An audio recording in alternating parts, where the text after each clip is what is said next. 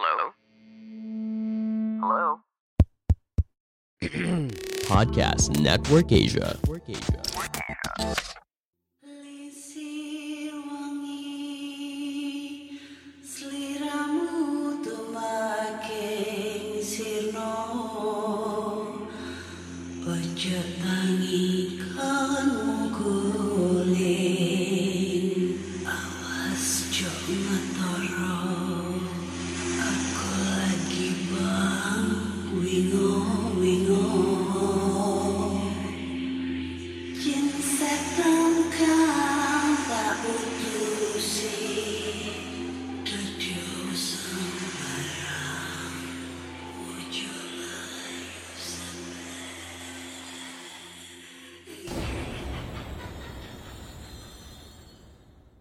Hai Re, ya apa kabar Re? Ketemu lagi dengan aku si Ana di podcast kisah horor.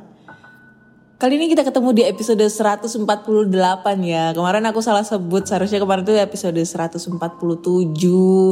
Tapi lupa karena kebanyakan episode jadinya salah sebut episode 148. Dan sekarang bener-bener nih, sekarang adalah episode 148. Dan di episode kali ini aku akan bacakan cerita horor ataupun email berhantu yang sudah dikirimkan teman-teman melalui podcast kisah horor at gmail.com atau di Instagram podcast kisah horor dan Google Form yang linknya tersedia di bio Instagram podcast kisah horor. Huh, Ntar dulu aku mau tarik nafas dalam-dalam. Kok dalam-dalam sih? Ya itulah pokoknya ya. Eh, kali ini aku berada di kota Banyuwangi ya. Eh, kota Osing, Osing, Osing apa Osing sih? Lupa deh. Itu pokoknya perjalanan jauh banget dari Surabaya berangkat jam setengah 8 sampai sini jam setengah 4 sore, jam 3 setengah 4 lah. Dan itu nggak lewat tol juga, makanya lama banget nyampe nya. Terus pengalaman nih, tadi itu lewat apa ya namanya Alas Purwo ya kalau nggak salah nih. Di Alas Purwo itu itu nyampe sana itu sekitar jam 3 eh enggak jam 2 dan posisinya itu mendung gelap banget. Niatnya tadi itu mau pulang malamnya tapi karena kondisi cuaca sama eh, ngeliat tadi ngelewatin alas purwo yang begitu seramnya kalau sore eh siang. Apalagi kalau malam-malam lewat ke situ. Apalagi aku nyetir sendirian lagi. Jadinya mengurungkan diri untuk pulang di malam ini He, jadinya malamnya eh pulangnya besok, besok pagi gitu. Nah, mungkin buat teman-teman semua nih yang domisilinya di Banyuwangi, punya pengalaman-pengalaman tentang kejadian horor di kota Banyuwangi bisa nih langsung share aja ceritanya ke podcast kisah horor. Sebenarnya aku tuh tadi tuh pengen banget diajak ke lokasi ini ya, lokasi horor di Banyuwangi. Cuma tour guide-ku nggak mau nganterin ya, karena dia takut sebenarnya. Jadinya jadinya ini, awah nggak jadi deh. Aduh, katanya tadi tuh ada pabrik pabrik apa ya? Pabrik tekstil atau apa gitu, pabrik kertas atau apa, aku lupa. Horor, angker banget dan dulu katanya pernah didatengin sama Mister Tukul jalan-jalan. Nah, pengennya sih ke sana tadi, gitu kan. Cuma gak ada yang mau nganterin, jadinya gak jadi deh. Hi. Oke, langsung aja kita bacakan cerita horor dari teman-teman semua. Dan cerita pertama ini datang dari email. Langsung aja kita bacakan. Judulnya adalah Adik bayi mengganggu anakku. Assalamualaikum warahmatullahi wabarakatuh. Waalaikumsalam. Halo Kak Ana, aku Tika. Kembali lagi ingin berbagi kisah horor buat para pendengar podcast kisah horor. Kali ini aku akan bercerita tentang sosok yang tinggal di kontrakanku. Aku, suami, dan anak perempuanku yang berusia tiga setengah tahun. Tinggal di sebuah kontrakan di kota S. Sebenarnya kami sudah lama mendiami kontrakan tersebut. Kami mengontrak pada bulan November 2020. Hanya saja gangguannya mulai dirasakan pada bulan September 2021 lalu. Rumahnya memang tidak terlalu besar, tapi cukup untuk ditempati keluarga kecil kami. Rumahnya gandeng dengan pemilik kontrakan itu. Jadi, kontrakan itu tepatnya di belakang rumah pemilik kontrakan. Hanya dibatasi dinding saja. Singkat cerita, setelah kami pindahan, kami mulai berbenah membersihkan setiap ruangan. Tapi saat aku pertama masuk ke area dapur, suasananya begitu lembab dan pengap. Apalagi sama sekali tidak ada ventilasi.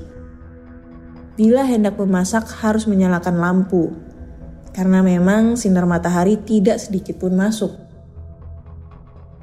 Sebelah dapur adalah kamar mandi yang lumayan luas, dan sebelah kamar mandi adalah kebun yang terdapat rumah kosong.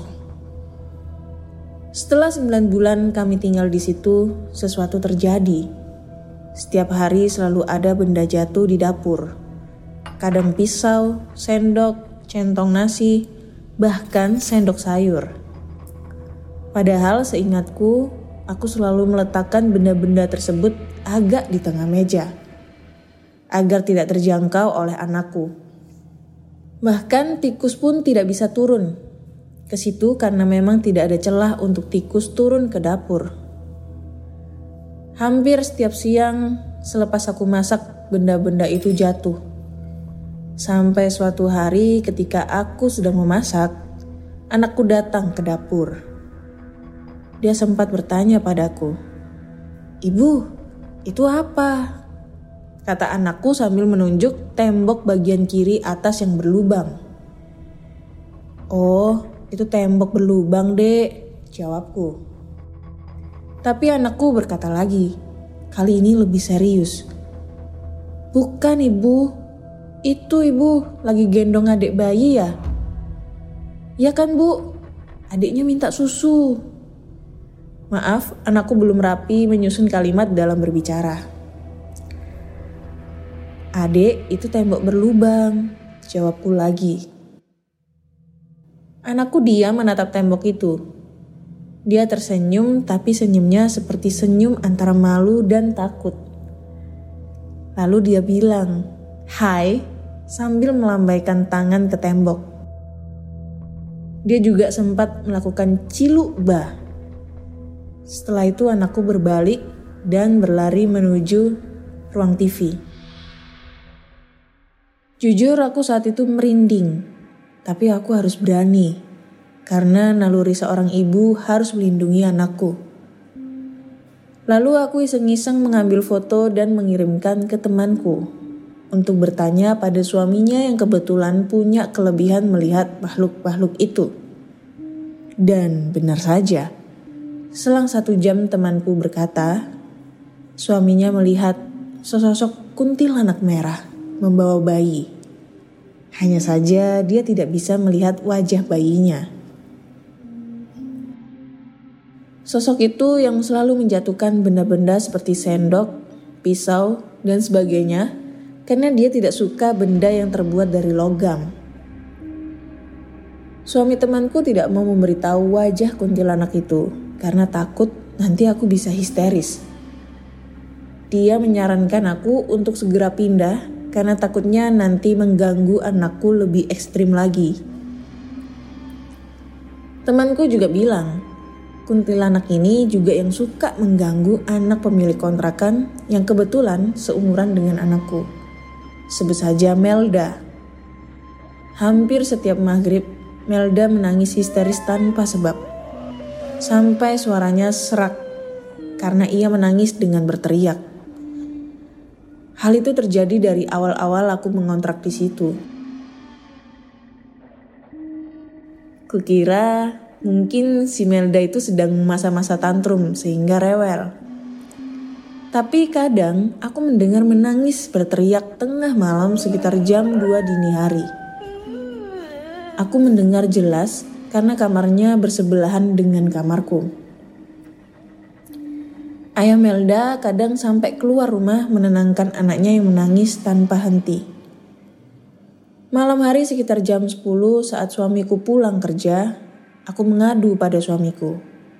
Aku bilang kalau anakku melihat ada perempuan menggendong bayi di dapur. Tapi suamiku tidak percaya. Sampai-sampai tiba anakku terbangun dan keluar dari kamar menemui ayahnya. Terus dia bilang, Ayah, tadi ada adik bayi minum susu di sana. Di mana dek? Adiknya kayak apa? Kata suamiku. Lalu anakku menuntun suamiku ke dapur, tapi belum sampai dapur, tiba-tiba anakku berhenti. Sambil menggigit jari dan menatap dengan serius. Lalu dia bilang, Loh, kok adiknya main sendiri? Ih, mulutnya kotor. Adik jorok, nggak mau dibersihkan tisu basah. Mintanya tisu magic. Suamiku lantas menggendong anakku buru-buru ke depan dan mengalihkan perhatiannya. Setelah itu dia berpesan padaku agar setiap siang rumah harus disetelkan murotal. Keesokan harinya setelah aku memasak, aku berbaring di kamar sambil bermain HP. Niatnya mau ngajak anak tidur siang, tapi anakku belum mau. Jadi kubiarkan dia bermain di depan TV. Tapi setelah ku perhatikan, anakku bermain sambil berbicara sendiri. Dia bilang, Ih, jangan. Aku mau yang ini. Kamu jangan nakal. Gak boleh. Nanti ibu marah loh. Aku hanya positive thinking. Mungkin anakku sedang bermain dengan imajinasinya. Sampai akhirnya, ku minta anakku tidur siang. Saat anakku sudah tidur, aku pun mulai memejamkan mata. Setengah sadar, aku seperti mendengar suara anak kecil berlarian. Bolak-balik dari depan ke belakang. Dan aku seperti melihat orang lewat di depan kamar. Kubiarkan saja, karena memang sebenarnya aku takut. Juga rasa kantuk sudah semakin menjadi membuat aku tertidur hingga asar. Hari berikutnya seperti biasa anakku menonton TV dan aku berada di kamar. Tiba-tiba anakku berlari ke kamar dan dia mengadu. Ibu, ibu, adiknya turun. Aku nggak mau main, adiknya jelek. Seketika aku menggendong anakku sambil membaca ayat kursi. Setelah anakku tenang, aku menemaninya di ruang TV sambil WA temanku. Temanku menyarankan untuk bicara dalam hati, menyuruh makhluk itu untuk tidak mengganggu anakku sambil berdoa mohon perlindungan pada Allah. Sejak saat itu, anakku yang biasanya mau ke dapur sendiri menjadi takut dan trauma dengan apa yang dia lihat. Kadang dia melihat ke atas dan menunjuk ada adik bayi duduk di atas lemari. Temanku bilang, sosok itu sebenarnya suruhan seseorang. Ada yang jahil karena dia tidak suka dengan pemilik kontrakan itu. Sosok itu ditaruh di rumah itu agar yang mengontrak menjadi tidak betah. Pantas saja, dia sering mengganggu Melda, karena Melda adalah anak pemilik kontrakan itu. Tapi temanku menyuruhku untuk tidak bercerita pada pemilik kontrakan. Takutnya pemilik kontrakan tersinggung dan menganggapku membuat fitnah. Sampai pada akhirnya aku pindah karena masa kontrakku habis. Dan kami sengaja tidak meneruskan mengontrak di situ demi menjaga psikis anakku. Sekian cerita dariku ya kak. Maaf kalau ceritanya kepanjangan dan gak serem. Makasih sudah dibacain kak. Sukses selalu buat Kak Ana. Wassalamualaikum warahmatullahi wabarakatuh. Waalaikumsalam warahmatullahi wabarakatuh. Thank you. Tadi siapa ya namanya? Lupa. Mbak Tika. Ya karena Mbak Tika ini udah kirim cerita ke PKH itu udah sering banget. Ada beberapa cerita. Anjay. Selapaan tadi. Ada beberapa cerita yang udah dibacain di podcast kisah horor. Dan menurutku ini kayaknya ada kesamaan dengan apa yang dialami oleh tetanggaku beberapa waktu yang lalu. Jadi sama nih ceritanya. Tapi ceritanya tuh sama kayak si Melda ya, yang pemilik kontrak anak pemilik kontrakan itu. Jadi aku punya tetangga. Eh, rumahnya itu eh, depan rumah sebelahnya lagi. Ya, itulah pokoknya. Ya masih anggap aja masih depan rumahku sih soalnya kan rumahku manjang. Woi, sombong anjir. Enggak lah emang. Terus ya emang sombong maksudnya. Terus abis itu anaknya itu sama eh, suka nangis. Nangisnya itu nangis histeris gitu loh. Maksudnya kayak rewel banget. Ya aku pikir tantrum ya sama Tan- lagi tantrum gitu kan susah banget eh, apa ya ibaratnya itu kalau nangis itu kayak orang kesurupan anjir ya kan teriak-teriak gitu itu biasanya kalau kalau nggak siang maghrib tapi di suatu saat itu selalu setiap jam 12 malam 11 sampai jam 12 malam dia tuh nangis. Nangis terus. Dibawa keluar rumah juga nangis. Ya aku pikir mungkin kata orang tuanya tuh kepanasan mungkin ya di dalam rumah. Jadi mungkin dibawa, dibawa keluar biar kena udara dingin udara sejuk terus diem anaknya. Tapi ya tambah menjadi jadi Eh, sehingga suatu hari itu pernah sampai tetangga itu keluar semua gitu loh karena mungkin agak sedikit terganggu dengan suara tangisannya itu Nah itu terjadi sampai hmm, hampir satu bulan lah dia nangis-nangis terus. Itu keganggu banget, aku pun juga keganggu banget deh. Kalau setiap malam itu ngedengerin dia nangis gitu kan. Nah pada suatu saat ada salah satu tetangga aku tuh menyarankan untuk dibawa ke dokter.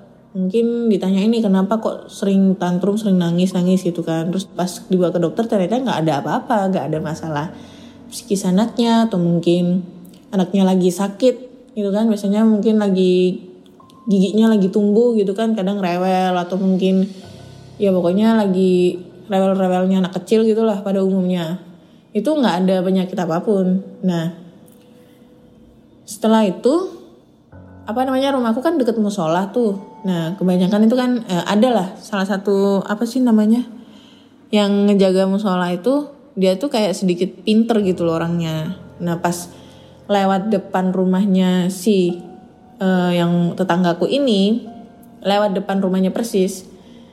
Pada saat mau apa gitu aku lupa pas isya atau jam berapa gitu. Dia bilang kalau di depan rumah, teras rumahnya dia, depan pintunya pas, itu ada sosok eh, kayak kuntilanak gitu tapi nggak merah putih gitu. Eh, dan dia juga bawa bawa anak kecil gitu gendong. Dan posisinya dia tuh kayak modelnya tuh kayak ngejaga pintunya ngejaga pintu rumahnya. Jadi kayak ibaratnya itu kalau misalnya ada mm, orang datang atau apa itu kayak sumpek gitu loh malas untuk bertamu. Jadi kayak nggak betah kalau bertamu di rumahnya. Jadi dia tuh posisinya ngejaga di depan pintu rumah. Nah itu bisa jadi ngebuat si anak kecil itu rewel nangis. Karena kan biasanya anak kecil itu kan masih sensitif ya.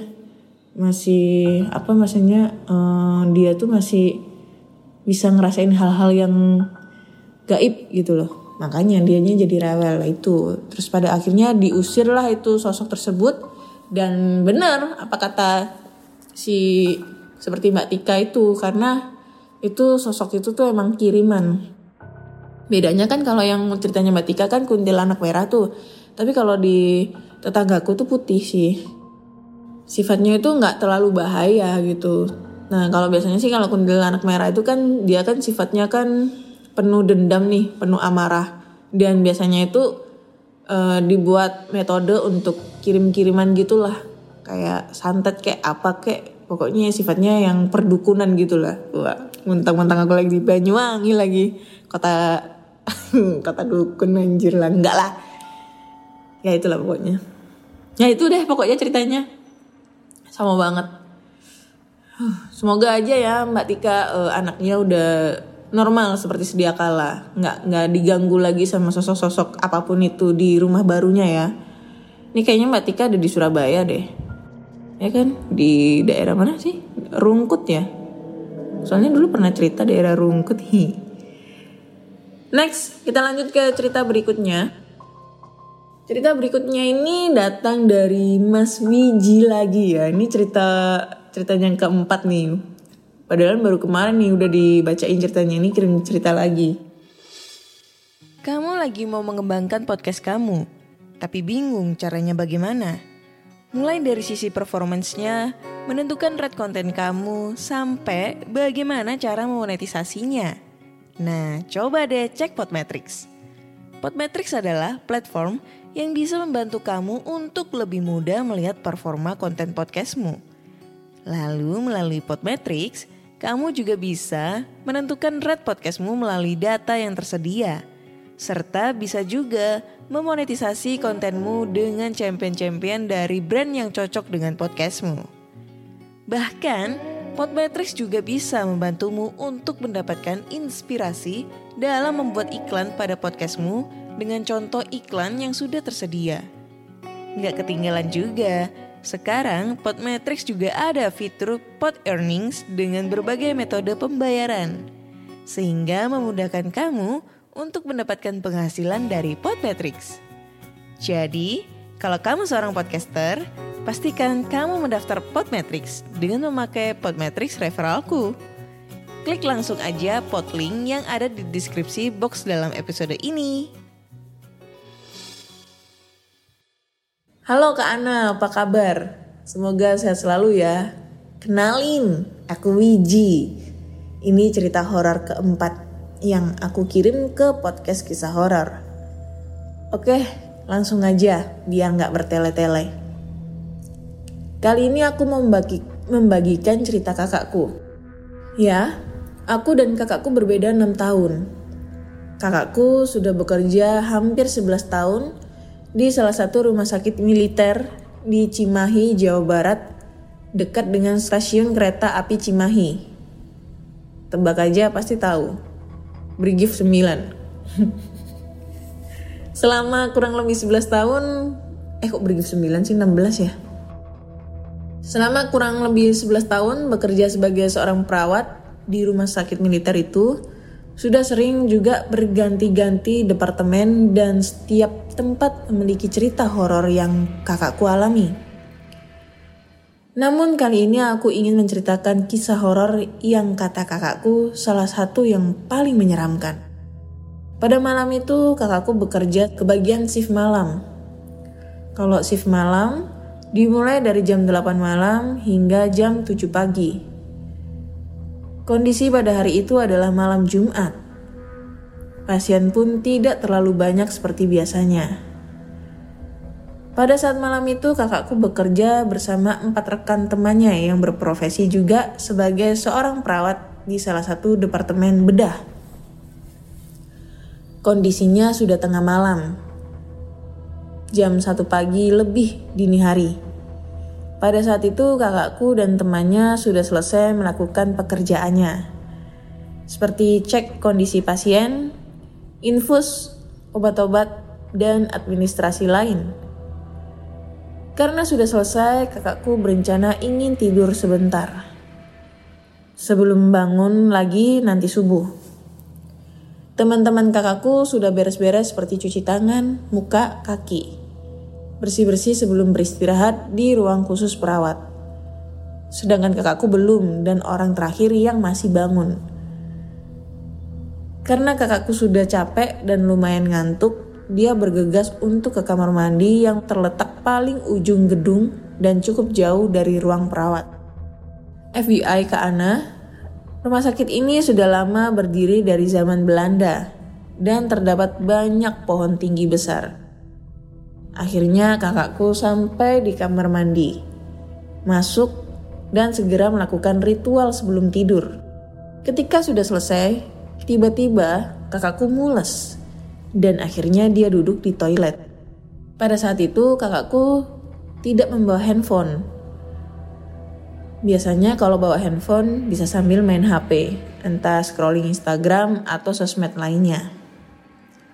Baru saja membuka celana dan duduk, entah mengapa kakakku merasa merinding banget dan kedinginan. Pertanda kalau sesuatu hal mistis akan terjadi. Kakakku ingin keluar dari kamar mandi, Namun karena mulas ditambah takut, sehingga dia tetap duduk di toilet.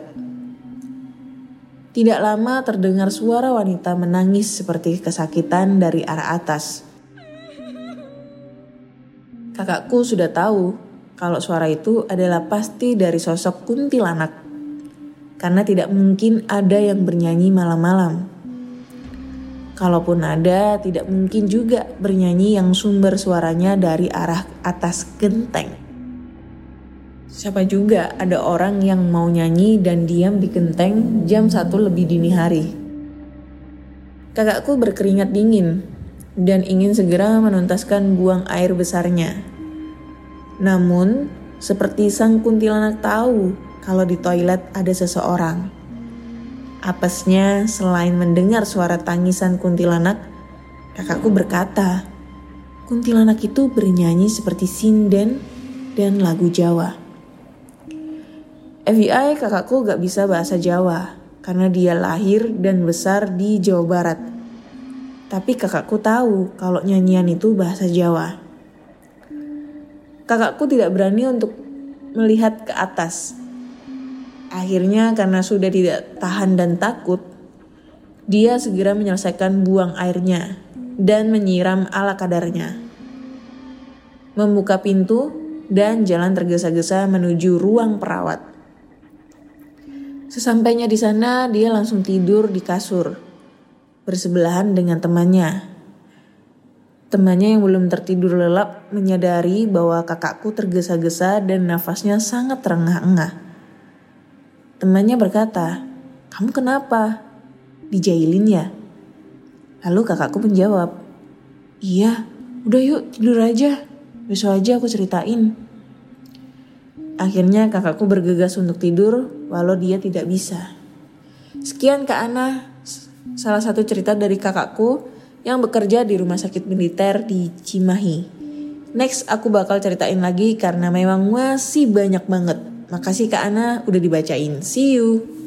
Oke, thank you banget buat Mas Wiji ya untuk cerita kesekian kalinya. Aduh, ceritanya banyak banget sih dia.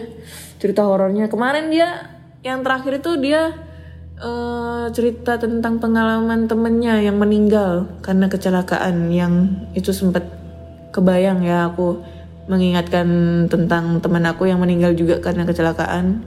Jadi ceritanya dia yang minggu kemarin agak sedikit melo-melo ya sedih-sedih gitu. Bukan horor sih tapi sedih banget. Terus sekarang dia kirim cerita cerita horor ya. Rumah sakit militer di Cimahi. Kayaknya aku pernah tahu deh. Karena aku pernah ke Cimahi gitu walaupun cuma sekali gitu kan.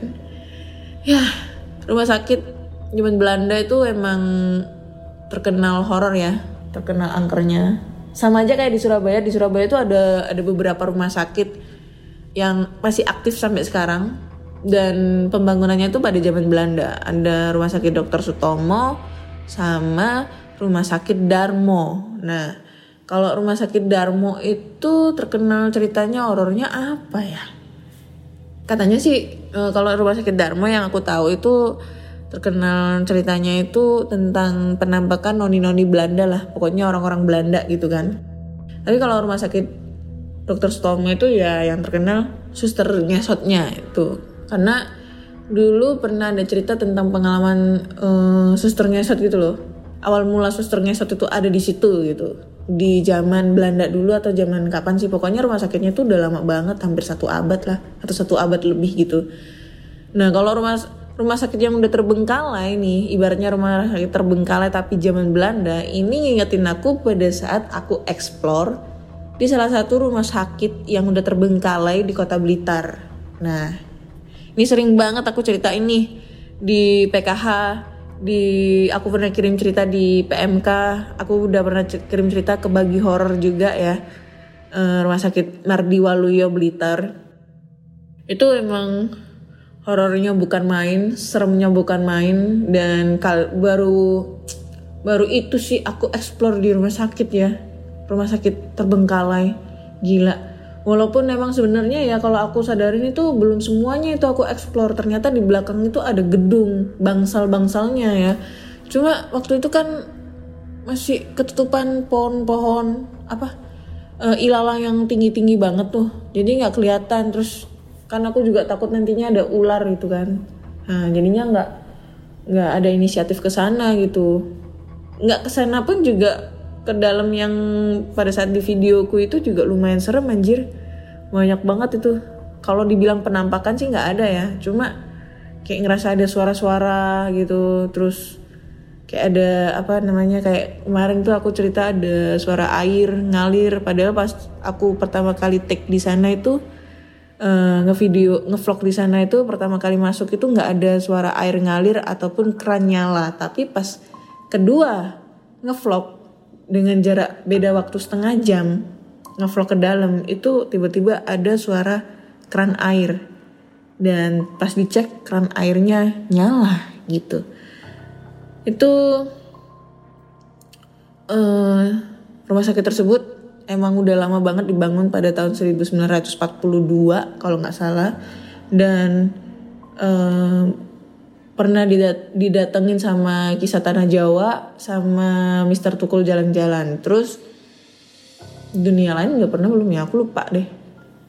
Tapi sekarang udah diratain sih itu. Katanya udah dirobohin terus dijadiin mall atau apa gitu aku lupa gitu. Atau mall atau kampus gitu aku lupa. Soalnya memang di seberang seberang rumah sakit yang terbengkalai itu ada kampus kesehatan gitu. Nah mungkin di depannya itu rumah sakitnya itu dibikin lahan kampus gitu ya aku nggak tahu. Nah yang kalau kalian penasaran rumah sakit tersebut juga pernah terjadi rumor kalau ada ibu-ibu yang melahirkan di sana yang tadinya tuh mereka lihat itu kondisinya rumah sakitnya itu seperti kayak rumah sakit umum pada umumnya gitu ya pada umumnya gitu. Ada orangnya ada dokternya ada pasien-pasiennya tapi kayak apa ya mereka tuh kayak nggak ada suara gitu hanya diam eh, tatapan kosong dan ya udah nggak ada suara apa-apa gitu. Tapi pas posisi si suami kembali untuk menjenguk istrinya tiba-tiba rumah sakitnya berubah menjadi terbengkalai tidak ada siapa-siapa dan istrinya ditemukan sedang berada di ruang jenazah menggendong bayinya yang sudah terlahir dibantu oleh jin yang ada di rumah sakit tersebut nah itu Lu kalian bisa ngulik-ngulik deh di Google ada banyak banget ya. Gitu. Oke deh kayaknya cukup cukup sekian dulu ceritanya ya udah dua cerita yang aku bacain. Kenapa aku bacain dua? Ini jujur aku posisinya lagi ada di kota Banyuwangi dan posisinya aku ada di ngin- nginep di salah satu hotel. Dibilang hotel hotel ya. Gak tahu nih hotel atau apa sih aneh gitu tempatnya. Dan kayaknya aku nggak nyaman gitu di sini untuk cerita-cerita horor gitu. Nggak tahu kenapa. Kan kalian tahu sendiri kan kalau misalnya kita lagi ngebicarain setan ya lagi ngomongin setan di mana pun itu berada itu pasti ada ada aja yang nimbrung. Entah itu kita ngerasanya itu ada yang merhatiin atau mungkin ada yang eh apa ya ibaratnya kayak kita hawanya itu sesek banget kayak ada orang ribuan orang atau apa pun itulah. Pokoknya setiap kita ngomongin itu pasti mereka ada. Dan sekarang yang aku rasain kayaknya mereka ada gitu loh. Soalnya nih kayaknya hotelnya itu kayak gimana gitu. Serem deh. Besok aja lah aku kasih tahu ya. Jangan sekarang. Takut ngefotoinya oke Thank you semua udah ngedengerin podcast kisah horor sampai detik ini. Jangan lupa kirim-kirim ceritanya ke podcast kisah horor gmail.com atau di Instagram podcast kisah horor serta Google Form yang linknya tersedia di bio Instagram podcast kisah horor. Terus jangan lupa follow juga podcast kisah horor di Spotify, Google Podcast, Apple Podcast, dan di Noise karena podcast kisah horor sekarang udah bisa didengerin di Noise. Jangan lupa follow juga Instagramnya podcast kisah horor. Terima kasih sudah mendengarkan podcast kisah horor sampai detik ini. Sampai jumpa dan sebelumnya aku mau mengucapkan selamat Natal dan tahun baru. Dadah.